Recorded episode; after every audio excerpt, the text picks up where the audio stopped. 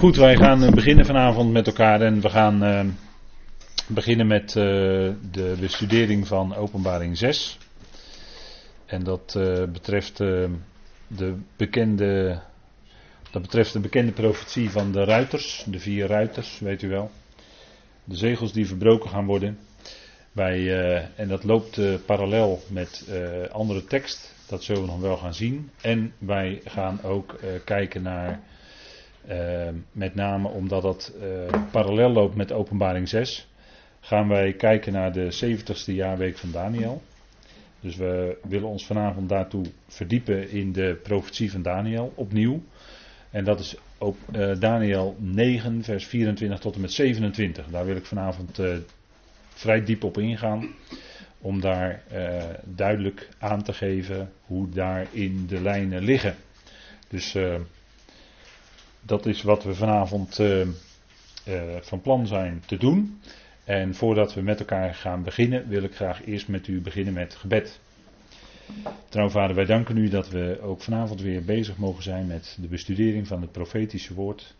Waarvan we weten dat het zeer vast is en dat het nauwgezet vervuld zal worden, vader. Dank u wel dat we ook in deze tijd daar enkele contouren al van zien. En vader, we willen graag kijken naar wat er precies geschreven staat.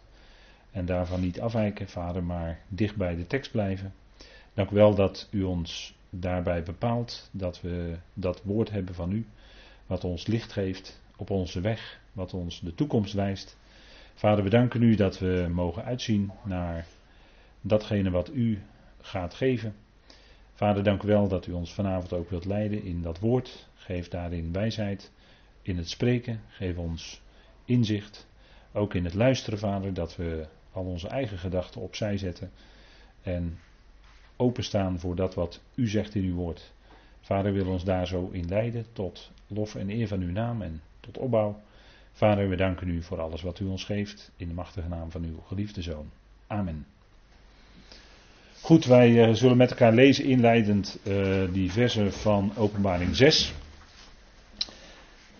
En ik wilde een enkel vers met u lezen. Eigenlijk de eerste uh, twee versen, want verder zullen we niet komen vanavond. En ik lees met u Openbaring 6 vanaf vers 1. En daar staat: En ik zag hoe het lam het eerste van de zegels opende.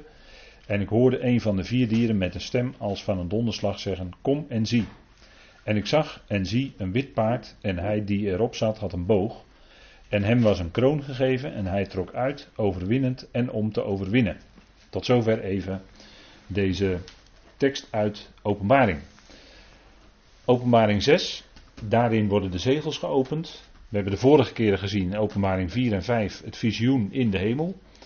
Waarbij er één in staat bleek uit het hele universum om die boekrol die verzegeld is met zeven zegels te openen. En dat is het lam.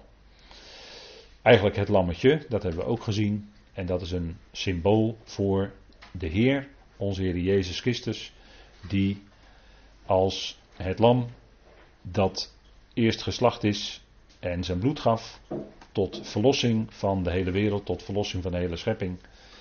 Die alleen is in staat om die boekrol te openen en de zegels te verbreken. Dat visioen, openbaring 4 en 5, is dus inleidend op de gerichten die gaan komen. En dat bevindt zich, en dan trek ik even in een iets groter gedeelte, dat in het troongedeelte van openbaring. Wat zoals u weet loopt van openbaring 4 vers 1 tot en met 11 vers 15. En daarna komt het tempelgedeelte van 11 vers 15 tot en met 21 vers 27 als ik het goed zeg uit mijn hoofd. En die, die twee gedeeltes, dat zijn eigenlijk de principiële, de belangrijke gedeeltes van het boek Openbaring. In het troongedeelte gaat het om de politieke verlossing van de aarde. En in het tempelgedeelte, dat zegt het al, hè, tempel, gaat het om de religieuze verlossing van de aarde. En dat is uh, wat we in het boek Openbaring dus zien. En dat is de overgang van deze tijd naar de volgende tijd, namelijk naar het millennium, de duizend jaren. En uh, nou, die overgangstijd, dat is een crisis. En in die crisis vinden dus de grote gerichten plaats zoals die staan in het boek Openbaring. openbaring 6 tot en met 19. Dat is eigenlijk uh, het gedeelte waar het om gaat. En dat beschrijft de komst van de Messias die deze wereld zal verlossen. In deze profetie van openbaring 6 zien wij dus vier paarden. Een wit paard, achtereenvolgens een rood paard, een zwart paard en een vaal of groen paard. En dat staat natuurlijk symbool voor iets anders, uiteraard. We moeten de symbolen van het boek Openbaring goed verstaan. Goed, maar deze, ik geef even een overzicht. Dat is op deze dia, dat is de tweede dia die ik laat zien vanavond. En het is goed als u dit later ook thuis beluistert om deze dia-presentatie erbij te pakken, de PowerPoint-presentatie. Om, opdat u kunt meelezen, want die is eigenlijk wel essentieel als leidraad bij wat u hoort zeggen. We zien dan op deze dia de gerichten staan, vers 1 en 2. Samengevat, de valse Christus in oorlog tegen de heiligen. Dat is de verbreking van het eerste zegel. Dan zien we de verbreking van het tweede, derde en het vierde zegel. Dat is het gericht op die valse Christus en zijn navolgers. Daarna zien we bij het vijfde zegel het effect van de oorlog tegen de heiligen. Want die valse Christus gaat oorlog voeren tegen de heiligen. En we hebben in het boek Daniel al gezien dat die gaat overwinnen. Hij gaat de heiligen overwinnen. En dat heeft grote gevolgen. En, het, onder en daarna zien we dus onder het zesde zegel gerichten op die valse Christus en zijn navolgers. En dan in openbaring 7, vers 1 tot en met 8, het antwoord op de vraag door verzegeling van de 144.000, eh, die doet hen staan in het gericht. En dan zien we uiteindelijk zeven bazuinen of trompetten die geblazen worden na de verbreking van het zevende zegel. Dus die zeven bazuinen en trompetten die horen dus onder dat zevende zegel eigenlijk. Hè? Dat is dan echt zeg maar even analytisch uh, wat het boek Openbaring daarvan zegt. Dus u kunt dat uh, thuis rustig op uw gemak nalezen en eventueel overnemen. Hè? Het staat allemaal uitgeschreven op deze dia. Goed, dan gaan we inzoomen op Openbaring 6. Openbaring 6, en dat is, een, uh, dat is een voorzet die ik geef, die misschien vanavond nog aan de orde komt, dat weet ik niet, hoeveel tijd ik daar nog voor heb. Maar die loopt parallel met Matthäus 24. En we gaan het ook naast elkaar leggen, we gaan echt dan schrift met schrift vergelijken. En we zullen zien dat in Matthäus 24, maar ook in Marcus 13 en Lucas 21, daarin staan dezelfde dingen beschreven als in Openbaring 6. Dus we kunnen schrift met schrift vergelijken. En dat is een van de belangrijkste dingen van Bijbelstudie. Je moet de schrift zichzelf laten verklaren. De schrift verklaart zichzelf. En dan kom je echt verder. In Matthäus 24 zien wij die bekende uitspraak van de Heer Jezus, die antwoord geeft aan zijn discipelen. Zijn discipelen stelden drie vragen, naar aanleiding van wat de Heer daarvoor al gezegd had, namelijk dat Jeruzalem verwoest zou worden de Heer had gezegd dat Jeruzalem verwoest zou worden en zou geen steen op steen gelaten worden. En die uitspraak die bleef bij de discipelen hangen natuurlijk, want ja, zij hadden Jeruzalem lief. En nu zegt de Heer dat die verwoest gaat worden. En dan vragen zij in Matthäus 24 drie vragen. Hè. Wat zal het teken zijn van de komst van, en van het einde van de Aion? Eh, en nog een vraag. In ieder geval drie vragen worden daar gesteld. De Heer gaat antwoord geven op die drie vragen. Dat doet hij in Matthäus 24 en 25. Matthäus 24 en 25. En uh, hij zegt dan in Matthäus 24, vers 15.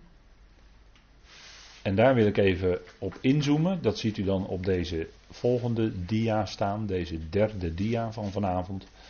Dat is wanneer jullie dan zouden zien de gruwel van de verwoesting waarvan door de profeet Daniel gesproken is, staande in de heilige plaats. Wie het leest, geven er acht op. Laten dan, wie in Judea zijn, vluchten naar de bergen. Is een bekende uitspraak. En hier wijst de Heer eigenlijk op het midden van de 70ste jaarweek. Dan wordt de gruwel van de verwoesting opgericht. U weet inmiddels wel wat dat is. Dat is het beeld van het beest wat dan verplicht aanbeden moet gaan worden. dus die, God, die godsdienst, die aanbidding, die religie wordt dan verplicht ingevoerd.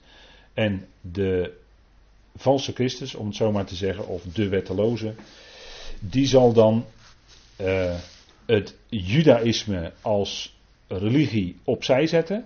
En hij zal de eigen religie invoeren, namelijk de aanbidding van het beest. En waarin zij ook de Satan zullen aanbidden. Want wij weten uit openbaring dat het beest ontvangt van de draak. Van de draak ontvangt hij zijn grote macht. Dus dat, in, dat moet leiden. Ik heb hier op deze dia afgezet het gouden beeld wat Nebukadnezar van droomde. dat bekende beeld uit Daniel 2 met het gouden hoofd, het zilveren borststuk, de koperen lendenen, de ijzeren benen en voeten van ijzer en leem. Dat is het bekende beeld. Nou, zo'n soort beeld zal er misschien op die vleugel van het heiligdom in de heilige plaats opgericht worden. En dat zullen, dat zullen ook de Joden moeten aanbidden. Doen ze het niet, dan worden ze gedood. Zo zal het dan zijn, hè? in die tweede helft van de 70ste jaarweek van Daniel. Dit markeert dus, wat de Heer Jezus hier zegt, Matthäus 24, vers 15. Dit markeert het midden van de 70ste jaarweek van Daniel 9, vers 24 tot en met 27. En die, jaar, die jaarweek, die 70ste jaarweek, die is nog toekomstig. En daar wil ik het vanavond met u over hebben, daarom gaan we er ook diep op in. Omdat uh, dat denk ik toch een punt is waar in het verleden al uh, vrij veel over geschreven is en gediscussieerd is, om het zo maar te zeggen. Uh, dat is absoluut geen onbekende visie die zegt dat deze 70ste jaarweek eigenlijk al verleden tijd is, dat die al geweest is. Maar dat is niet het geval. We zullen vanavond zien dat deze 70ste jaarweek nog toekomstig is. Dus uh, de visie dat die al in het verleden zou hebben plaatsgevonden, die is door uh, verschillende uitleggers in het verleden en ook in een wat recentere verleden naar voren gebracht.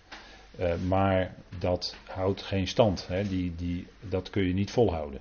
Nou, we gaan, daarom gaan we er vanavond dieper op in. Hè, die 70ste jaarweek. En um, dat is dus Daniel 9. En dat is die bekende profetie. En ik heb hier de tekst die ik voorlees, die heb ik nu ook weer uitgeschreven op deze dia. Dus die kunt u dan op de dia ook volgen. En dit is een wat letterlijke vertaling vanuit het Hebreeuws. Ik heb hier de concordante vertaling gevolgd. En die zal hier en daar wel wat afwijken van wat u in uw gebruikelijke vertaling leest. Maar dat komt omdat het A een moeilijke tekst is. En B omdat vertalers niet helemaal altijd hebben begrepen waar het om ging. Maar goed, dat is even uh, om aan te geven dat dit een lastige profetie is. Om, en, maar het is wel een hele kernachtige profetie omdat hier in deze profetie ook aan tijdrekening wordt gedaan. En tijdrekening is voor het Joodse volk, niet voor ons, voor het Joodse volk, heel belangrijk. Want zij kunnen gewoon gaan tellen op een gegeven moment. Hè. Dat hebben we al eerder gezien natuurlijk bij de bestudering van Daniel. Maar we gaan opnieuw in die profetie duiken van die 70ste jaarweek. En Daniel die hoorde dan van de boodschapper dit. 70 zevens het woord jaarweek gebruiken we altijd. Nou, dat is op zich niet een verkeerd woord, maar goed. 70 zevens zijn afgezonderd over jouw volk en over jouw heilige stad. En dan worden daar zes punten genoemd. Dus het is best wel een uitgebreide tekst hoor, dit. Er worden zes punten genoemd. En die zes punten die zullen gerealiseerd worden door wat in die 70 jaarweken gebeurt. Dus deze hele profetie van 70 weken, die hele periode van 70 weken, die zal dit als resultaat hebben. Let op, het is niet zo dat deze dingen gerealiseerd moeten worden binnen de 70 jaarweken. Nee, de 70 jaarweken hebben als doel dat deze zes punten gerealiseerd gaan worden. Het is het effect van die 70 jaarweken. En dat geeft de Hebreeuwse tekst ook aan. En ik zeg dat zo specifiek nu, omdat het een achtergrond heeft. Daarom formuleer ik het nu op deze manier. Ja? Er staat om de overtreding vast te zetten. En het woord vastzetten kunt u ook opvatten als detineren, zoals iemand die een misdaad heeft begaan gedetineerd wordt. Daar moet u dan aan denken, vastzetten. Om de zonde te doen eindigen. Om de zonde te doen eindigen. Dit is de concordante tekst, hè? dus het kan best afwijken van uw vertaling.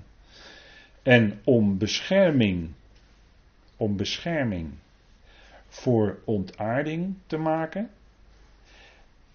En om gerechtigheid voor de eonen te brengen. En om visioen en profeet te verzegelen. En om te zalven het heilige van heiligen. Deze zes punten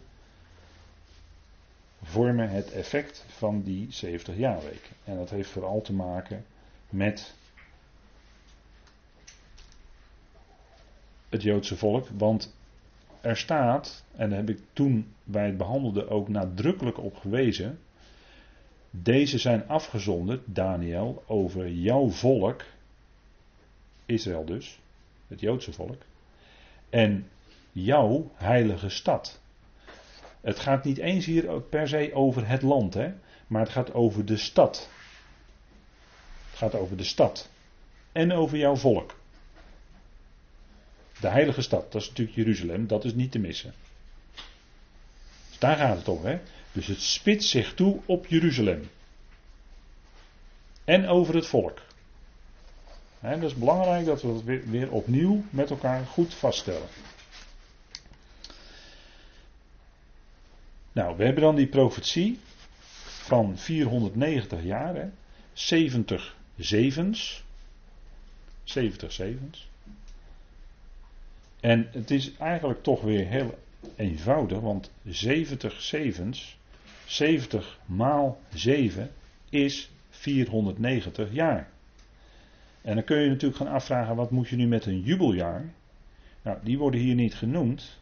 En jubeljaren zijn in de praktijk door Israël eigenlijk niet echt in acht genomen want in het jubeljaar moest natuurlijk het land helemaal vrijvallen en keerde alle stukken land weer terug naar de rechtmatige eigenaar. Maar om hier dan 10 jaar bij op te tellen als zijn de jubeljaren waardoor je op 500 jaar komt, ik heb daar heel veel moeite mee. Waarom? Omdat dit 70 maal 7 is en niet 500. Het is 70 maal 7 is 490 jaar. En als je kijkt wanneer een jubeljaar begon, die begon eigenlijk op Yom Kippur. Leest u het maar na in Leviticus. En dan zou je ook nog kunnen zeggen dat dat vijftigste jaar steeds lag over zeg maar de tweede helft van het 49ste jaar en de eerste helft van het, van het volgende jaar, dat is het eerste jaar van de volgende cyclus. Daar lag dat jaar overheen als het ware. Dus het is nog maar zeer de vraag of je na 49 jaar een 50ste jaar moet tellen. En dat pas na dat 50ste jaar weer een nieuwe cyclus begon. Dus maar heel de vraag, als je Leviticus leest, of je dat zo moet doen. Dus dat is heel dubieus als je zegt van. Eh, maar vooral hoe het in de praktijk altijd is gegaan, is dat het jubeljaar feitelijk door het Joodse volk niet eens gevierd werd. Werd niet eens in acht genomen. Plus het feit dat het hier gaat gewoon om 70 zevens. 490 jaar. Nou, genoeg daarover. Die 70 jaarweken van Daniel, die zijn om de overtreding. Hè, dus de eerste drie aspecten die spreken over het wegdoen van het kwaad. Dus die zijn zeg maar negatief gericht, gericht op het negatieve. Namelijk om de overtreding vast te zetten de zonde te, te doen eindigen en bescherming voor de ontaarding te maken. Dat is het wegdoen van het kwaad. En ehm, als we kijken naar, de, naar het eerste facet, dan zien we dat uh, het te maken heeft met de zegeningen van het nieuwe verbond. Want onder het nieuwe verbond zullen deze dingen gaan plaatsvinden.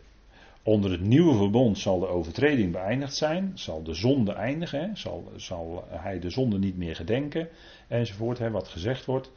En om bescherming voor ontaarding te maken. En dan moeten we even goed vaststellen wat hier staat, hè, want in uw vertaling wordt hier gesproken over verzoening. Verzoening. Maar het woord verzoening bij Paulus is gebaseerd op een heel ander woord. Dus je kunt hier niet de verzoening inlezen die bij Paulus in Paulus' brieven bekend wordt gemaakt. Hier gaat het namelijk om kafar. Hier gaat het om bescherming. En meestal wordt er gezegd bedekking, hè, maar dat heb ik al vele malen tegen u gezegd. het woord kafar is niet zozeer bedekking, maar is veel meer, heeft veel meer de notie van bescherming.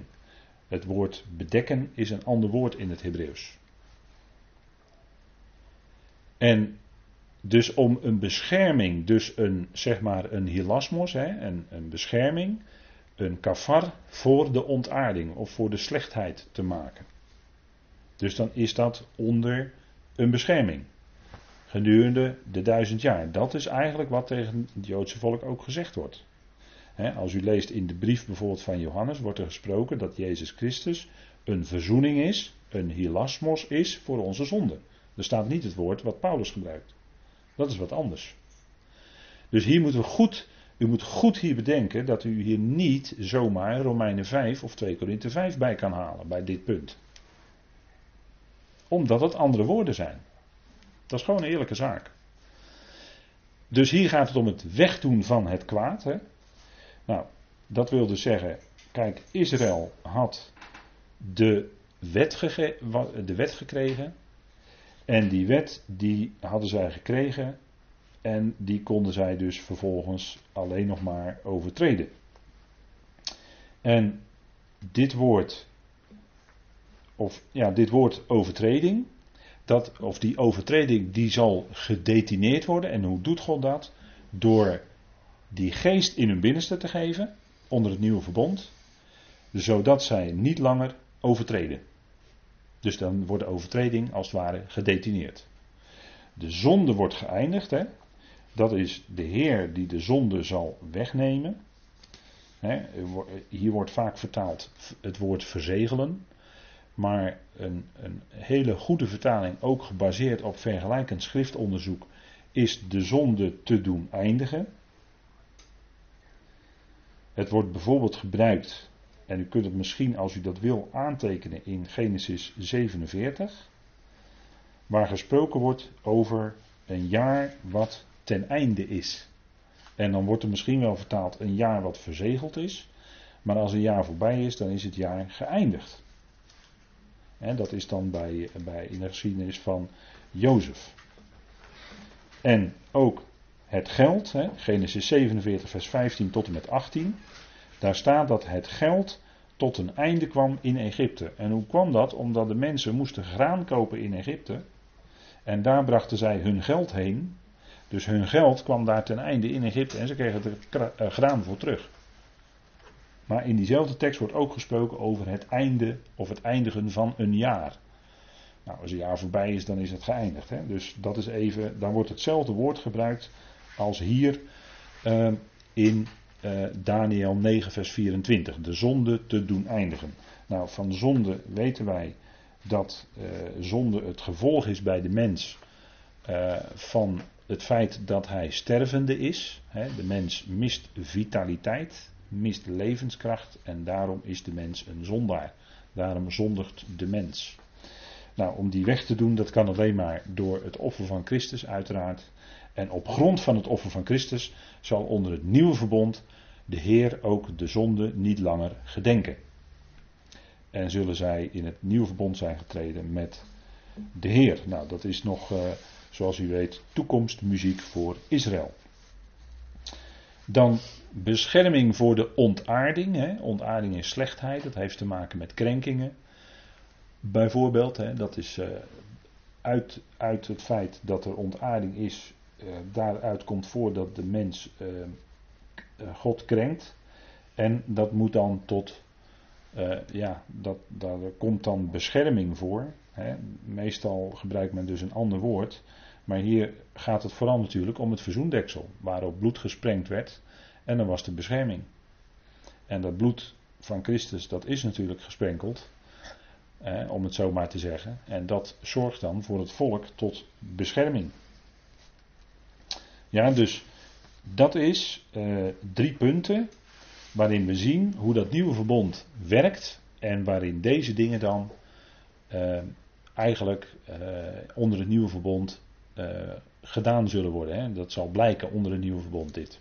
Dus dat is één, dat is de drie negatieve uitwerkingen, hè, of de negatieve dingen worden weggenomen, het wegdoen van het kwaad. En dat is een gevolg dus van die 70 jaarweken. Dan zien wij dat ook een, het goede wordt gebracht. En dat zijn die tweede drie. Hè, dus dat is die aspect 4, 5 en 6 van die zes aspecten die genoemd worden. Wat zal het namelijk brengen? Die 70 jaarweken, het resultaat ervan zal brengen gerechtigheid voor de eonen. Nou, dat is wat wij natuurlijk mogen weten hè, op grond van de schrift. Dat die gerechtigheid zal komen voor Israël en voor de volkeren. Hè. De gerechtigheid zal regeren in de komende duizend jaar. En dat is wat eh, inderdaad eh, door de Heer gebracht zal worden op Israël, hè, die gerechtigheid. En die zal via Israël ook naar die volkeren toegebracht worden. Dan zal hij regeren. De, de, Messias zal regeren met een ijzeren scepter. En zo zal hij de gerechtigheid en de shalom voor Israël bewaken. Dus gerechtigheid voor de eonen. En dat is wat uh, men dan ook zal moeten. De volkeren zullen dan moeten buigen voor de Messias in de duizend jaar. Maar het zal natuurlijk een tijd zijn waarin het zeer aangenaam is als je het vergelijkt met de huidige tijd, want nu wordt er geen gerechtigheid gedaan, nu is er heel veel ongerechtigheid. En dan zal gerechtigheid werkelijk gedaan worden, hè? zal gerechtigheid echt door de Heer regeren. Nou, eh, dat is natuurlijk een eh, zeer fijn punt, hè, dat het in de komende eonen zal komen. En het is ook om visioen en profeet te verzegelen. Hè, dus er moest iets verzegeld worden, er moest iets dichtgehouden worden tot een bepaald punt. En die verzegeling, hè, die worden in openbaring 6 worden dus zegels verbroken. Dus dan gaat er iets open, er gaat iets komen. Gerichten gaan plaatsvinden. En tot dat moment zal ook, zou ook die profetie van Daniel verzegeld zijn. Hè, die, uh, en, en zo lang kan uh, men het eigenlijk niet zien, hè, wat het is. En het punt is dat het is verzegeld, de visioen, hè, wat, wat Daniel zag in de visioenen. En uh, ja, dat, dat werd dus verzegeld. En dat is tot op het moment dat die 70ste jaarweek bijna voorbij is. En dan zal alles daarna natuurlijk helemaal bekend zijn wat het is geweest. En wanneer het is geweest vooral ook maar uh, dat zal dan allemaal achteraf geconstateerd kunnen worden. Dus dan zijn alle zegels opengegaan, dan is het visioen duidelijk geworden. En om te zalven, en dat is het laatste punt, om te zalven het heilige van heiligen. Nou, dat zalven, dat is ook wel een punt. Hè, uh, daarbij mogen wij denken aan het, in het komende millennium zal een enorm bouwwerk staan in, eigenlijk in de noordelijke kant van Israël, ten noorden van Israël. Zal een enorm gebied zijn wat bedoeld is voor de priesters en de levieten. En in dat gebied zal zijn de tempel die zal staan in het millennium. Dat is de tempel die beschreven wordt in de hoofdstukken Ezekiel 40 tot en met 48. En daarin zal opnieuw sprake zijn van het heilige van heiligen. Net zoals eh, dat was bij de tabernakel en de vorige tempel daar is ook sprake van het heilige en het heilige van heiligen. En de, bij de tabernakel bijvoorbeeld werd uh, de, het heilige en het heilige van de heiligen werden gezalfd. Werden gezalfd. U kunt dat nalezen in Exodus 30 vers 26. Exodus 30 vers 26. Daarin leest u dat de tabernakel werd gezalfd. Dus het zalven van heilige van heiligen heeft te maken met een heiligdom wat gezalfd wordt. En dat zal waarschijnlijk door olijfolie gebeuren. En uh, dat is natuurlijk een type van Heilige Geest. Als teken dat daar de Heilige Geest aanwezig is en werkt. Hè. Dus dit, heeft, dit ziet op eigenlijk dat dat geweldige bouwwerk wat door Ezekiel beschreven uh, is geworden in Ezekiel 40 tot en met 48. Hè, de tempel die zal staan in het millennium op aarde. In de nieuwe aarde zal geen tempel meer zijn. In de nieuwe aarde zal geen tempel meer zijn. Dat lezen wij in Openbaring 21. Want dan zal God zelf onder de mensen wonen. En dan is er geen tempel meer nodig. Dus dat is alleen maar een bouwwerk wat nog zal staan in die duizend jaar. En dan zal daarvan het heilige van heiligen gezalfd zijn. Dus deze uitspraak wijst niet naar de Messias, maar wijst naar het heiligdom. Ja? Dus, en dit zijn dus drie dingen waarin het goede gebracht wordt. Dus dat is een, eh, een, een tweede punt hè, bij, de, uh, bij dit wat gezegd wordt, eigenlijk waar die 70 jaarweken voor bedoeld zijn. En dat ziet dus allemaal natuurlijk op de toekomst. Hè. Dat is allemaal nog toekomstmuziek, want u wou toch niet zeggen dat deze dingen vandaag al de dag al zo zijn. Dat kunt u niet maken, denk ik. Nou, het wegnemen van het kwaad, het brengen van het goede. Je zou erbij de vraag kunnen stellen: heeft de dood van de Messias, de dood van Christus, deze zegen al gebracht voor Israël? Nou, de vraag stellen is een beantwoorden, want deze zegeningen die we net hebben besproken met elkaar, die zijn nog niet werkelijkheid in Israël natuurlijk. Als je daar gaat kijken, zie je nog geen prachtige tempel staan. Integendeel. Er zijn hele andere dingen daar aan de hand. Er is geen geest. De werking van Heilige Geest is niet merkbaar als je daar bent. In Israël. Ik ben daar geweest. En eh, als het gaat om echt geestelijk leven, heb ik dat daar niet zo gezien zoals dat beschreven staat in de profetieën. Ze zijn niet wedergeboren als volk. Kun je niet zeggen. Dat weet iedereen die daar geweest is. Duidelijke zaak, denk ik. Dus deze zegeningen zijn niet gebracht door de dood van de Messias. Natuurlijk heeft de dood van Christus en zijn opstanding brengt enorme zegen teweeg, hè? eigenlijk alle denkbare zegen. Maar als je de vraag even specifiek stelt voor Israël, van de zegeningen van het nieuwe verbond, dan zijn die nog niet in werking. Dan is dat nog niet gekomen. dus ik denk dat dat ook een punt is om goed even te overwegen met elkaar. Dan,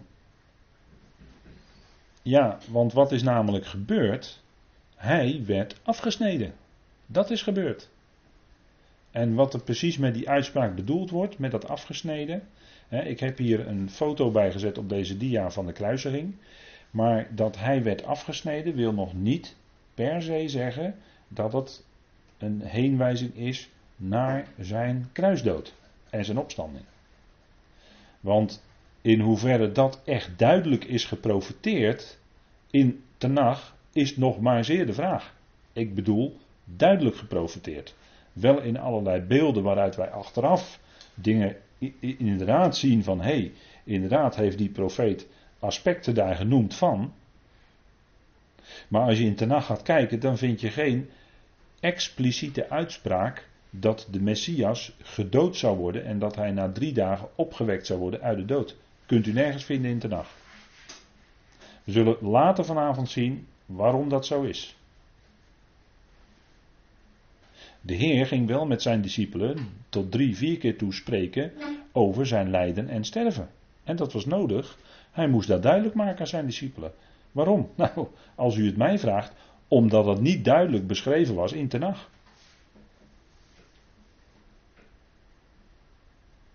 Ja?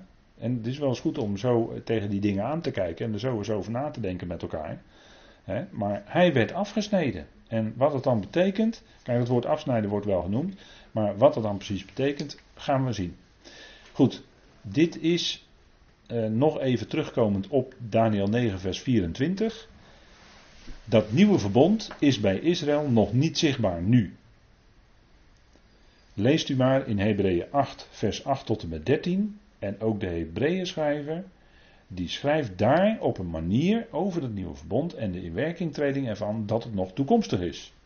En de Hebreeën schrijver, die schreef, nou toch heel wat jaartjes nadat eh, de Heer was opgestaan uit de dood. En die schrijft in Hebreeën dus nog steeds zo over dat het nog toekomst is. Dat het nog niet vervuld is. En hij citeert daar uitgebreid Jeremia 31. Dat weet u, hè? dat is een bekende aanhaling. Hè? Jeremia 31 tot en met 34. Wordt aangehaald in Hebreeën 8, vers 8 tot en met 13. En daar wordt gesproken inderdaad dat zij de zonde niet meer, hè, dat de zonde niet meer gedacht zal worden. Dat, hè, en ze, alles wat daar genoemd wordt, hè, hij zal een zonde niet meer gedenken. Eh, zij zullen de onderwijzing van JW in hun harten geschreven hebben. Maar er wordt allemaal over gesproken alsof het nog toekomstig is. Met andere woorden, op het moment dat Hebreeën 8 geschreven werd, was die Hebreeën schrijver er ook helemaal niet van overtuigd dat deze zegeningen van Daniel 9, vers 24 al plaatsvonden of al hadden plaatsgevonden of al bezig waren plaats te vinden. Daar was die Hebreeën schrijver kennelijk op dat moment nog helemaal niet van overtuigd. En dan zit je toch al aardig wat jaartjes na de opstanding van Christus uit de dood en na zijn hemelvaart. Dus ook hier, hè, even een punt ter verdere onderbouwing. Hè.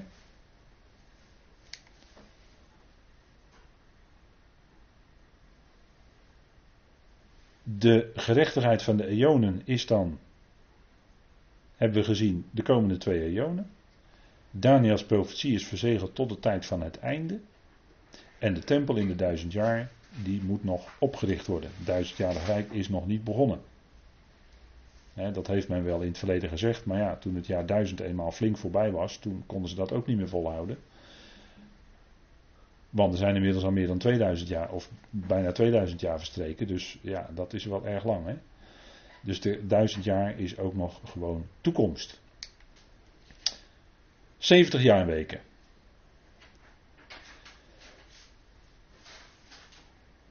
Dat is die profetie. Die 70 jaarweken die worden verdeeld in 7, 62 en 1. En soms wordt er de nadruk gelegd door schrijvers en uitleggers dat dat één geheel is, die 70 jaarweken, maar het wordt verdeeld in 7 zevens, 62 zevens en 1 zeven. Dus wordt verdeeld in drie verschillende tijdseenheden. Want dat staat in Daniel 9, vers 25. En er staat, en jij zult weten, en ik heb het ook weer op deze dia, heb ik dat helemaal uitgeschreven. En jij zult kennen of weten en verstandig zijn. Vanaf het uitgaan van het woord om te doen terugkeren en Jeruzalem te herbouwen. Tot Messias de gouverneur. Zijn zeven zevens en 62 zevens. En het zal terugkeren en het zal herbouwd worden, plein en vesting, zelfs in era's van benauwdheid. Nou, dit is een bekende profetie. En het uitgaan van het woord om te doen terugkeren en Jeruzalem te herbouwen, dat gebeurde onder Artaxerxes, die genoemd wordt in Nehemia 2, vers 1. En Artaxerxes is eigenlijk alleen maar een soort aanduiding van. Het woord Artaxerxes betekent eigenlijk zoiets van grote koning. Hè. Je zou ook kunnen denken aan Ahasveros, hè, de grote koning, of iets dergelijks. En dan gaat het om dat uh, Kores het woord uitdeed gaan dat zij mochten terugkeren. ze mochten terugkeren uit ballingschap naar Jeruzalem. En ze mochten gaan herbouwen. Jeruzalem herbouwen. En dan gaat het om plein en vesting. Dus het moest weer opgebouwd worden. En er moesten ook verdedigingswerken aangebracht worden. Zelfs in era's van benauwdheid. En dat gebeurde dan in de periode van die zeven zevens. 49 jaar. Dat is de tijd van de herbouw van Jeruzalem. Onder Nehemia.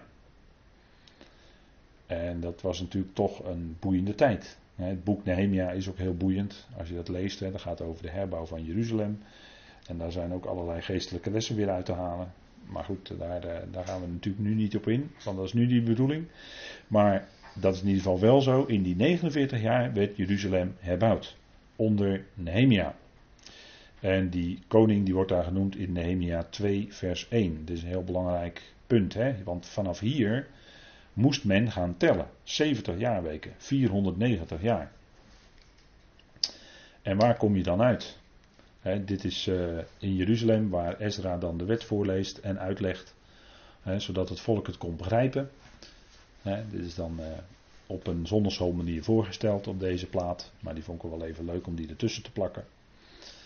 Dat uh, is toch wel aardig. Heeft u misschien een idee hoe dat er toen uitzag? Zou kunnen. Maar goed.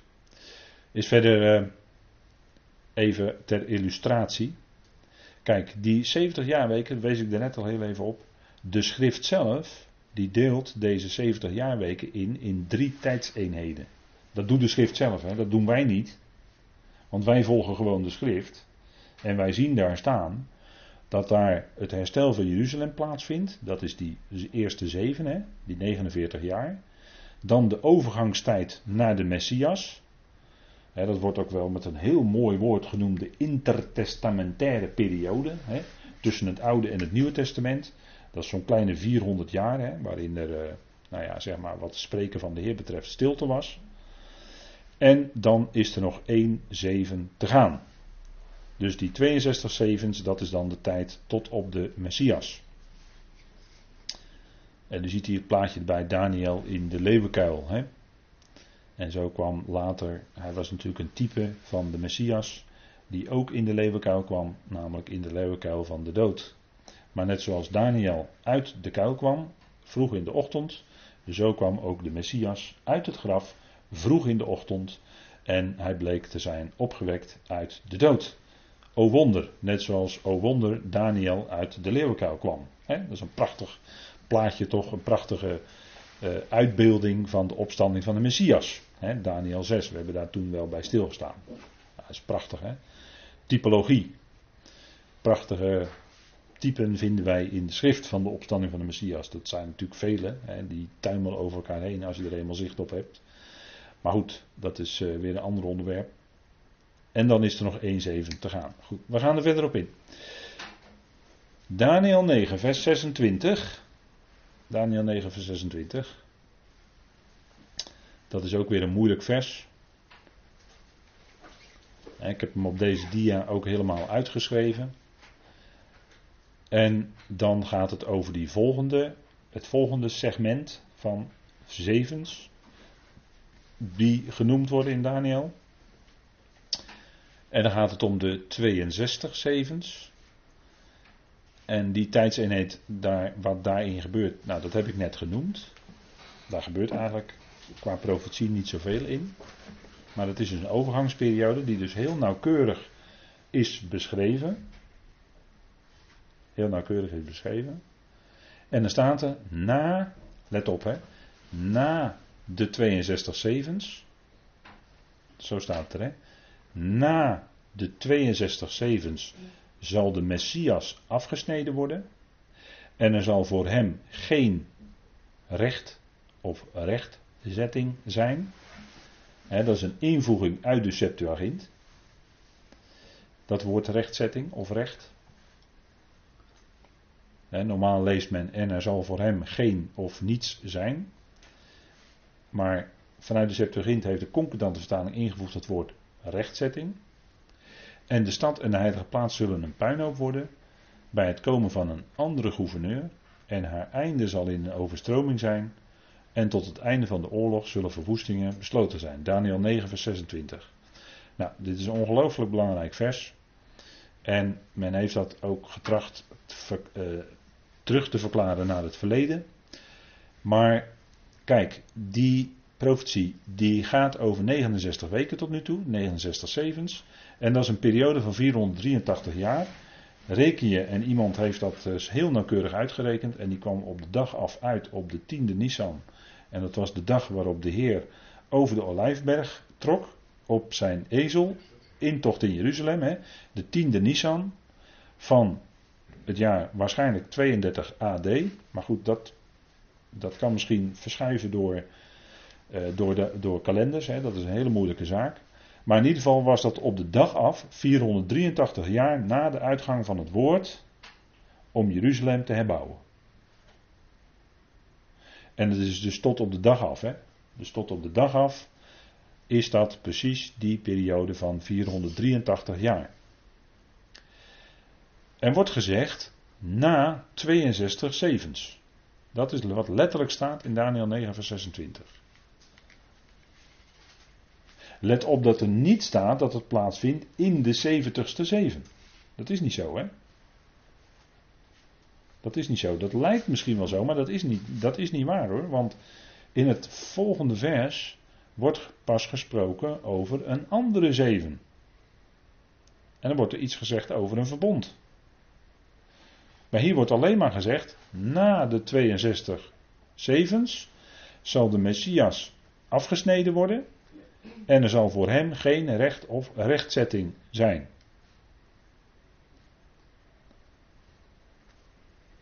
Dus u ziet, dit is iets wat gebeurt na die 62 zevens. En dadelijk gaan we zien waarom dat is. En waar dat mee te maken heeft. Kijk, in die eerste twee regels, daar wordt eigenlijk iets gezegd over de Messias, over de gezalfde. En dan wordt er later in de volgende zin wordt er, iets gezegd, wordt er iets gezegd over een andere gouverneur of een andere machthebber. En nu is het zo dat eigenlijk in tussen die momenten er een enorm tijdsverloop zit, weten wij nu al achteraf. En is dat raar in de Bijbel? Dat is helemaal niet raar. Dat op een gegeven moment als het ware de klok wordt stilgezet als het gaat om Israël. En dat de klok op een later moment weer gaat lopen. Dat is niet alleen hier zo, maar dat is ook in andere, en dat zal ik u ook laten zien. Maar een andere gouverneur, dat is eigenlijk die ruiter op het witte paard die wij vanavond aan het begin hebben gelezen. Hebben gezien. Die andere gouverneur. Kijk, de, ik ga even terug naar een vorig vers. Want hier wordt gesproken in Daniel 9, vers 25 over Messias gouverneur. Of Messias die de eerste is. Of die vooraan staat. Of die vooraan loopt. Of, nou, dat woord kun je op verschillende manieren vertalen. Maar die gezalfde, die machthebber, of die eerste, totdat die komt, zullen 62 zevens voorbij gaan. En eigenlijk is men het algemeen wel erover eens dat het gaat om Jezus Christus. Messias heb ik ook gezet met een hoofdletter. En het woord gouverneur is eigenlijk misschien wel ja, toch het woord wat er het dichtst bij komt. Het gaat om Nagit of Nagat. En dat heeft te maken met de voorste zijn of de eerste zijn. Je kan denken aan prins of vorst misschien. Of, maar niet aan een koning, want de koning is een melg. En dat woord wordt niet gebruikt. Dus het gaat erom één die vorst is of de eerste is en die eigenlijk bedoeld is om koning te worden. Zolang prins Willem prins was, was hij nog geen koning. Nu is die koning Willem, is hij ook geen prins meer. Nu is Beatrix prinses. Ja, dan even voor u. Maar hier wordt gesproken meer over dat begrip prins in feite. En heeft de Heer in, toen hij op aarde kwam het koningschap gekregen? Nee, want hij werd afgesneden. En je zou kunnen zeggen, ja, hij ging dood. Ja, nee, maar hij stond ook op uit de dood. Hij werd opgewekt uit de dood. Maar wat werd nou afgesneden? Nou, het feit dat hij koning zou worden, dat werd afgesneden, want hij voert ten hemel en sindsdien is hij weg. Is hij verborgen. En daarmee gebruik ik een woord wat wij heel goed kennen, namelijk het geheimenis, of uit de oude vertaling de verborgenheid. En dat heeft hiermee te maken. En dat kon Daniel, ja, het is de verborgenheid. Dus aan Daniel werd dat natuurlijk niet geopenbaard. Dat daar een hele tijd tussen zou zitten. Dat blijkt niet uit deze tekst. Nee, dat klopt, omdat het verborgen was. Het hele beheer van het geheimenis moest nog komen, maar dat was geheim. Zegt Paulus toch in Efeze 3: het was weggehouden in God. Weggehouden in God. Dus het was nog niet geopenbaard. Nee, pas bij Paulus werd geopenbaard. Dus dat is een punt, hè? En er zal voor hem geen rechtzetting zijn. Rechtzetting zou zijn geweest toen dat hij koning zou zijn geworden. Dat was de rechtzetting geweest, maar dat is niet gebeurd. Dat is niet gebeurd. Dat zal in de toekomst wel gebeuren, maar toen nog niet. Dat is pas in openbaring 11, vers 15. Want daar staat dat hij de koning der koningen en de heer der heren is. Als hij het koningschap in ontvangst neemt. En daadwerkelijk koning wordt. En dan verloopt er dus een hele tijd, weten wij achteraf, want wij hebben inzicht gekregen door de brieven van Paulus en door de geheimenissen van het koninkrijk in de verborgenheid. En die verborgenheid was een tussengeschoven periode die in de profetieën van Tenach niet bekend was gemaakt. En dat is een heel belangrijk punt, dat dus de kruisiging, want ik had het net over de tiende Nisan, toen de Heer de intocht deed naar Jeruzalem, Lucas 19. En daarna, op de veertiende, werd hij gekruisigd. En dat, als je het heel strikt neemt, hoort dat eigenlijk bij de verborgenheid. Namelijk bij de periode van de geheimenissen van het Koninkrijk van de Hemelen. want na, toen, op die tiende Nisan, eindigde precies die 69ste week. En die 70ste, die zou nog een hele tijd uitblijven. En alles wat ertussen zit, is eigenlijk de verborgenheid. Een verborgen periode, een tussengeschoven periode. Als het gaat om de voortgang van het heil met Israël want daar gaan deze profetieën over. Het gaat over jouw volk, Daniel, en over jouw heilige stad. Daar gaat het allemaal over. Nou, wat dat betreft staat het stil. Dus hij verloopt voor lange tijd op de klok. En we kennen dat verschijnsel wel met schaken bijvoorbeeld, of met dammen. Dan heb je een klok. En als degene een zet heeft gedaan, drukt hij de klok in. En dan gaat zijn eigen tijd stilstaan. En bij de ander, bij de tegenstander, gaat de tijd lopen. Zo kunt u dit zich, zich dat voorstellen. Hè? Ik zal u een voorbeeld geven van een tijd die stilstond. Voorbeeld van de klok stilzetten. Kijk, het gebeurde, en dan gaan we even terug naar 1 Koningin 6. Die heb ik ook op deze dia even voor u uh, erop gezet. Het gebeurde nu in het 480ste jaar na de uittocht van de Israëlieten uit het land Egypte. In het vierde jaar van het koningschap van Salomo over Israël. In de maand Ziv, dat is de tweede maand, dat hij het huis van JW bouwde. En dan zeggen wij: oké, daar staat 480 jaar in de schrift. En als we goed gaan tellen vanaf de uittocht, dan kom je niet aan 480 jaar, maar dan kom je aan 473 of 573 jaar. En dan zegt u van hé, hey, dat klopt niet. Ja, maar om het zo maar te zeggen, in Gods rekening klopte het wel. Want er waren diverse momenten dat de tijd werd stilgezet als het om Israël gaat.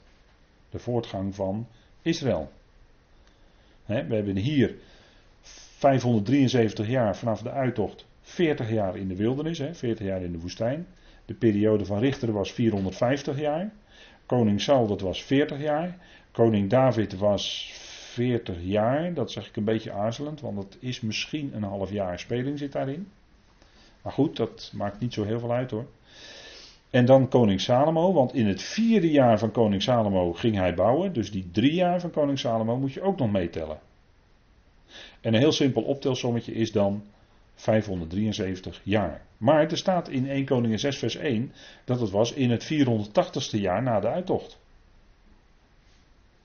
Maar dat is nou Gods rekenmethode. En dan zegt hij, ja maar hoe zit dat dan? Dat zit zo. Kijk, Israëls klok als het ware stond stil tijdens diverse perioden in het boek Richteren. Namelijk een periode van 8 jaar, een periode van 18 jaar, een periode van 20 jaar, van 7 jaar en van 40 jaar. En dat is precies, bij elkaar opgeteld, 93 jaar.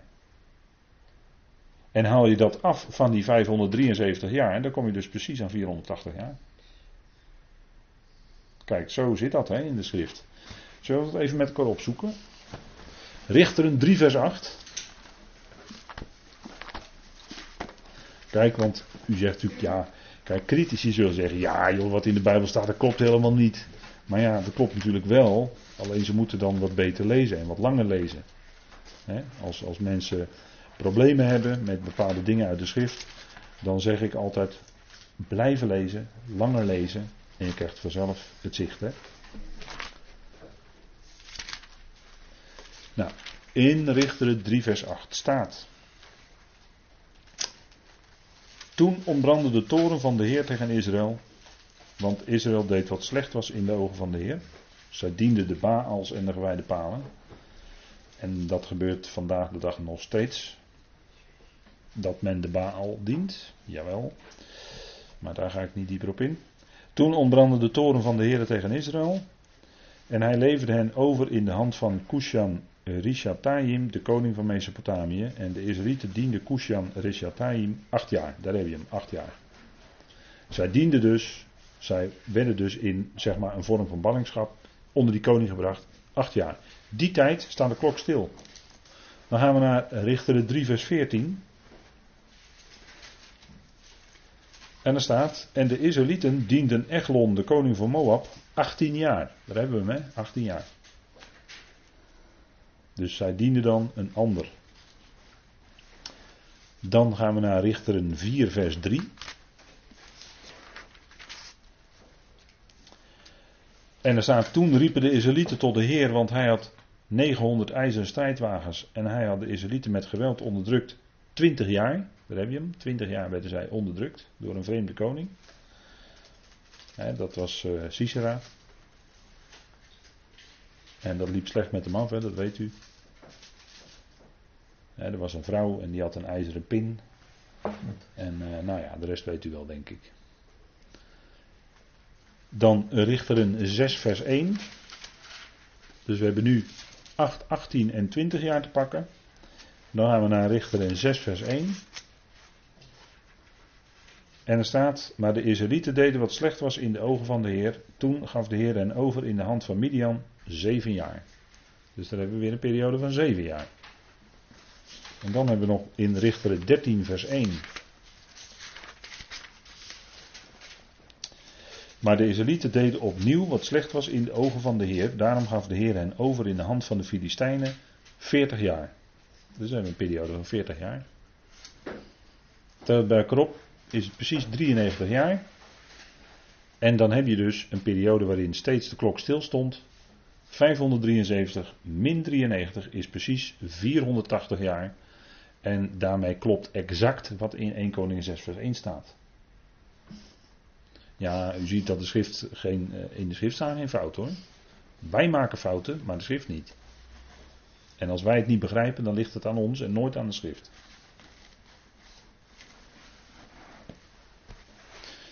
Dus we zien hier dat wel degelijk er de sprake is van dat periodes de klok stilgezet wordt.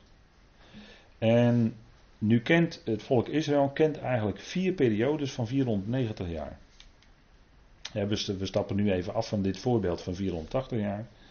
Maar de Israël kent vier periodes van 490 jaar, vanaf kenmerkende momenten. Roeping van Abraham tot aan de uittocht, als ik het goed zeg. En dan heb je nog een periode. Hè, dan uh, zeg maar tot ongeveer hier uh, Salomo die, uh, die die tempel herbouwt. Tot de inwijding van de tempel is dan ook 490 jaar. Dus weer net 10 jaar verder. En dan je nog een periode van 490 jaar tot en met de Babylonische ballingschap. Dat is de derde.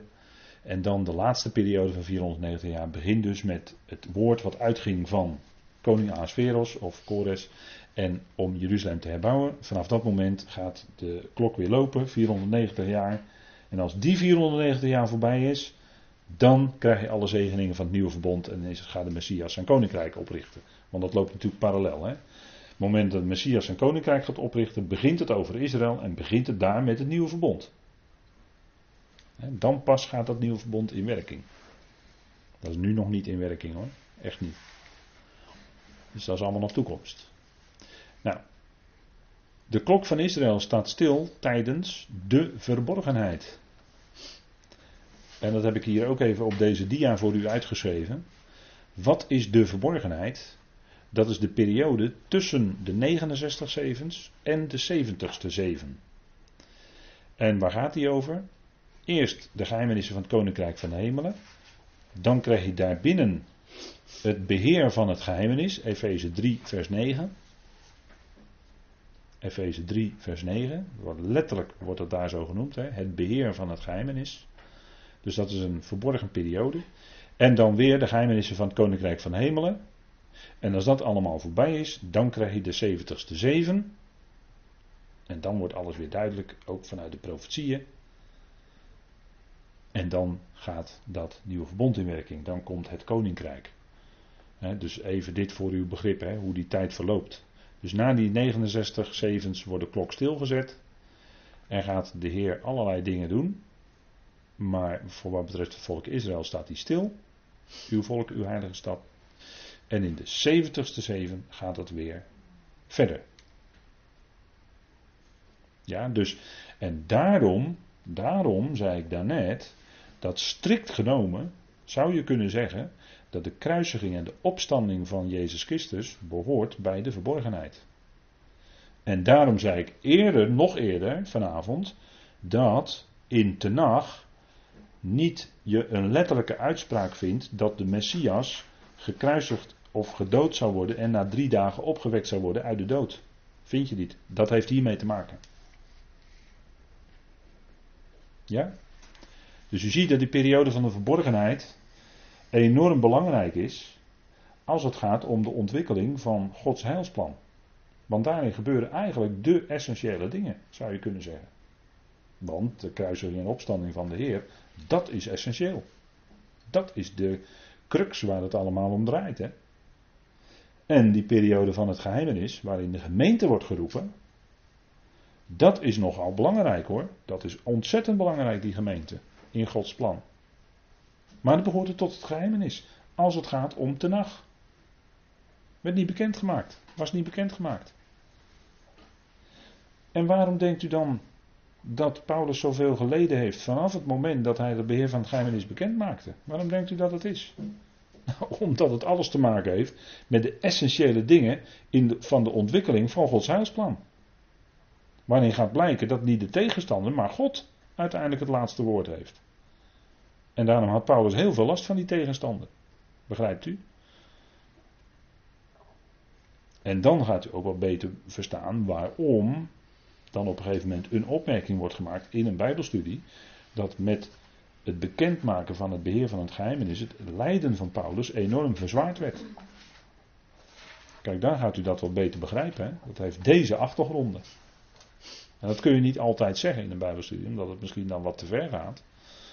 Maar dan gaat u wel meer die samenhangen met elkaar zien, hè? hoe dat zit. Nou, daarna krijg je dus die 70ste zeven. Hè? En dat is dan waar we het ook vanavond over hebben, want we hebben het over de profetie van de 70 jaarweken. Maar dit is wel belangrijk dat we dit te weten. Dus niet zomaar wat. Hè? De klok staat stil. En dan gaan we verder met uh, Daniel 9, vers 27. En dat is dan nog eigenlijk de toekomst. En daarover wil ik dan met de volgende dia wil ik graag met u spreken na de pauze, want we gaan eerst even met elkaar pauzeren.